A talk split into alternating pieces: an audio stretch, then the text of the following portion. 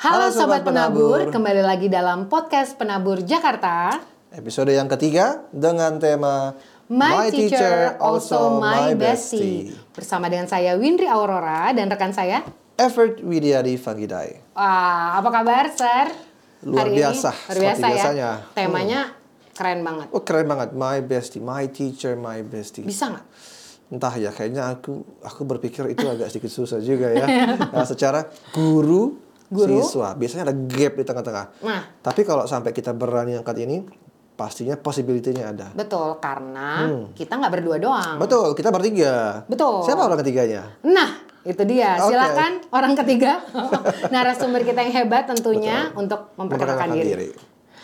Halo Sobat Penabur, nama saya Agus Gunawan. Saya adalah pendeta tugas khusus Sinode Wilayah untuk BPK Penabur. Tugas saya sehari-hari eh, pelayanan di GKI Kebojati Bandung. Dan sekarang saya menjadi koordinator untuk Pusat Pengembangan Pendidikan Kristiani BPK Penabur. Oke, halo Pak Pendeta. Halo, Gimana perjalanan ke sini? aman ya? Aman ya? Aman kayak dalam kutip. Aman. gitu. Aman gitu ya. Aman. Oke, Oke, baik. mungkin kita langsung saja ya. Ya. Um, kita bicara tentang tema kita hari ini. My teacher also my bestie. Ini sebenarnya kalau kita lihat dari profil penabursnya Ya. guru, itu yang kita angkat adalah N-nya alias nurture-nya. Nah, kalau dalam bahasa Indonesianya, itu? nurture itu artinya mengayomi. Tapi yang membuat menarik nih, Pak Andi Ya, Agus, yang nanti kami minta tolong dijelaskan nih, bisa nggak sih? Possible nggak sih guru itu mengayomi dengan cara menjadi bestie? Secara kalau kita bicara paradigma lama, guru, siswa, tengah-tengah itu kayaknya ada gap di situ. Ya. Bagaimana Pak Andi? Ya, menurut saya harus ya. Harus, Bukan lagi oke. bisa atau tidak, tapi harus Oke. menjadi bestie. Saya ingat ada satu kutipan dari eh, seorang tokoh pendidikan, Parker Hmm. J. Palmer, ketika dia mengatakan apa sih yang diajarkan guru kepada muridnya? Hmm. Seringkali kita bilang ilmu pengetahuan, karakter dan sebagainya. Lalu Parker J. Palmer bilang eh, ada satu yang sering dilupakan oleh guru, Hmm. bahwa dia mengajarkan hidupnya Ya. pengalamannya, bahkan perjumpaannya dengan Tuhan. Hmm. Nah, gimana kita bisa cerita pengalaman hidup kita? Bagaimana kita bisa ngomongin tentang hal-hal yang sifatnya private gitu ya? Kalau kita nggak menjadi sahabat. Dan menurut saya guru itu selain menjadi guru, dia juga harus menjadi sahabat bagi anak-anak. Ya, kalau istilah teologinya eh, ada sun hodos, Sun Hodos. Hodos. berjalan bersama. Ya, guru itu mesti berjalan bersama dengan anak-anak dalam perjalanan itu kan seru kalau berjalannya sama sahabat dong. Masa jalan sama yang nggak kenal gitu ya. Tapi jalan sama yang kita kenal. Dan di situlah di situ kita saling membangun. Guru membangun anak-anak, anak-anak juga membangun si guru tersebut sebagai sahabat perjalanan itu. Hmm, Oke baiklah. Sekarang begini Pak, di masa sekarang Ya. ini kira-kira uh, guru sebagai bestie itu diperlukannya banget-banget atau ah, kalau nggak perlu ya nggak usah. Itu yang pertama Pak. Saya Ya. udah pertanyaan nih. Ya, ya, ya. Oh, banyak ya? Ah. banyak sekotak. yang yang kedua nih bicara tentang itu tantangannya nih saya mau bertanya nih kira-kira Ya. tantangannya apa ya, untuk bisa seorang guru kalau kita bicara guru kan di sekolah kan nggak cuma yang ya, muda-muda Betul. ada juga yang angkatan-angkatan uh, anda gitu kan saya mah angkatan muda Oke, baik saya sudah akan pensiun sebentar lagi. tantangannya apa pak kira-kira Iya. Jadi kalau ditanya banget ya banget, Hmm. perlu banget, perlu banget. Kenapa? Karena eh, dunia sekarang kan berubah dengan sangat cepat, Hmm. ya. Eh, memang tantangannya adalah kita sebagai guru itu mau nyiapin mereka kan untuk satu masa depan yang kita nggak bisa predik sekarang ya. Ya. Yang apa yang kita bayangkan di zaman kita udah nggak sama lagi dengan anak-anak. Betul. Mainan aja udah nggak sama. Dulu kita mainnya lompat tinggi, galah, eh, apa congklak, bekel dan sebagainya. Anak-anak sekarang mainnya Roblox dan lain-lain gitu ya. Jadi ada gap generasi nih kalau kita bicara tantangan. Gap generasi ini yang tidak mudah ya. Tapi bukan berarti tidak mungkin. Ya, bisa. Tergantung bagaimana si guru itu mau nggak ya menjadi sahabat anak-anak. Sebenarnya kan guru-guru itu bagi anak-anak tuh sangat powerful selain orang tua ya. Jadi eh, guru itu benar-benar digugu dan ditiru. Kalau anak-anak TK sampai SD nih eh, apa kata gurunya itu udah kayak sabda ilahi. Betul. Orang tua sudah nggak kedengeran Iya. lagi gitu Iya, ya kan. betul. Saya juga tuh. saya juga Oh, gitu Iya. ya. ngajarin Iya. ini harusnya begini papa kata misku nggak Kata begitu. Miss adalah Iya, yang iya. nomor Iya. satu gitu Iya. ya. saya bingung Iya. Makanya sering kali orang tuh pakai eh, guru nama guru tuh kayak matra ya. Orang yang nggak mau mandi sebut aja Pak Everett bilang harus mandi, mandi Betul. langsung. Iya. Jadi sebenarnya punya powerful ya, Yes. punya kedekatan dan eh, buat anak-anak TKSD itu guru tuh menjadi sebuah figur yang wah hebat, keren dan sebagainya. Nah, masuk ke usia pubertas anak-anak biasanya mulai butuh orang yang benar-benar bisa mementor, membimbing gitu ya, yang ngerti perasaannya karena mereka mulai eh, berkembang secara kepribadian, secara karakter, secara perasaan juga mereka berkembang ya. Maka di situ momen guru eh, selain powerful dia juga harus menjadi mentor yang baik. Oh, Nah, mentor yang baik itu menjadi sahabat. Ya, dalam konteks kekristenan saya menggunakan istilahnya tuh gembala yang bersahabat, sahabat yang mengembalakan. Itu menjadi penting tuh. Coba-coba diulang. Ya. Gembala yang bersahabat, sahabat yang mengembalakan. menggembalakan. Menarik banget tadi ada kata gap, Ya. Pak Pendeta. Nah, kalau bicara tentang gap tuh berarti harus ada jembatan. Harus, Betul. kalau enggak nyemplung. Betul sekali berbahaya ya. Makanya Berbahaya. apa sih jembatan untuk bagaimana guru-guru bisa menjadi bestie atau tadi yang gembala yang bersahabat, sahabat yang menggembalakan gitu. Ya. Jadi pertama guru tadi mesti menyadari perannya dulu. Ini yang penting ya. Oke. Bahwa kalau di lembaga kita, lembaga Kristen BPK Penabur, mestinya kita menyadari peran kita adalah dalam rangka meneruskan tradisi mengajar Yesus gitu ya. Bahwa kita punya tugas menghadirkan Kristus di dalam kehidupan anak-anak di tengah segala pergumulan yang mereka hadapi. Maka itu untuk menjadi bestie, menjadi sahabat yang mengembalakan dan gembala yang bersahabat bagi mereka, yang pertama yang penting adalah punya kesediaan waktu. Oke. Kalau dia nggak punya kesediaan waktu, eh, nggak akan bisa terjadi itu. Kesediaan waktu itu eh, sekarang ini penting ya di tengah segala hal yang kayak orang tua sibuk bekerja sekarang ya. Lalu guru-guru sibuk administrasi katanya begitu ya. Betul, Sehingga kadang-kadang aduh udah capek, udah lelah, ngapain lagi sih harus adalah tugas saya cuma ngajar, kasih apa kasih soal ulangan, bikin rapot selesai gitu ya. Nah, itu nggak akan pernah terjadi eh, menjadi sahabat bagi anak-anak. Jadi perlu menyediakan waktu.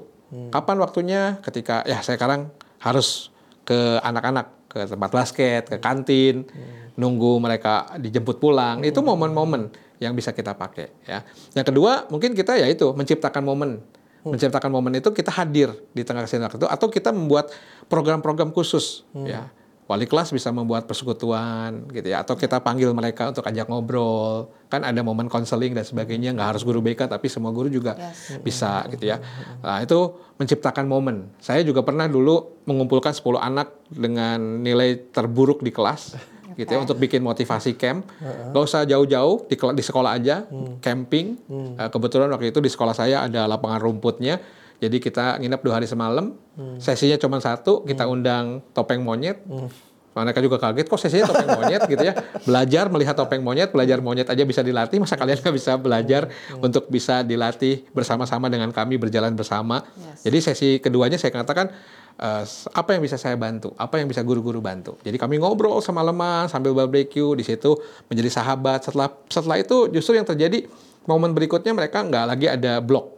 Mereka bisa cerita, mereka bisa eh, punya pergumulan apa, bisa share ke kita dan sebagainya. Kita juga bisa bantu lebih lebih baik eh, dengan momen yang diciptakan itu. Dan yang ketiga, eh, yang ketiga itu adalah eh, bagaimana kita eh, tadi menyediakan waktu ya. Ya. Lalu yang kedua Menciptakan menciptakan momen. Yang ketiga relate nih sama anak-anak. Ah, Ya, relate itu kita belajar apa yang mereka sukai, gitu ya. Contohnya eh, anak saya ini lagi seneng Roblox gitu. Apa sih Roblox?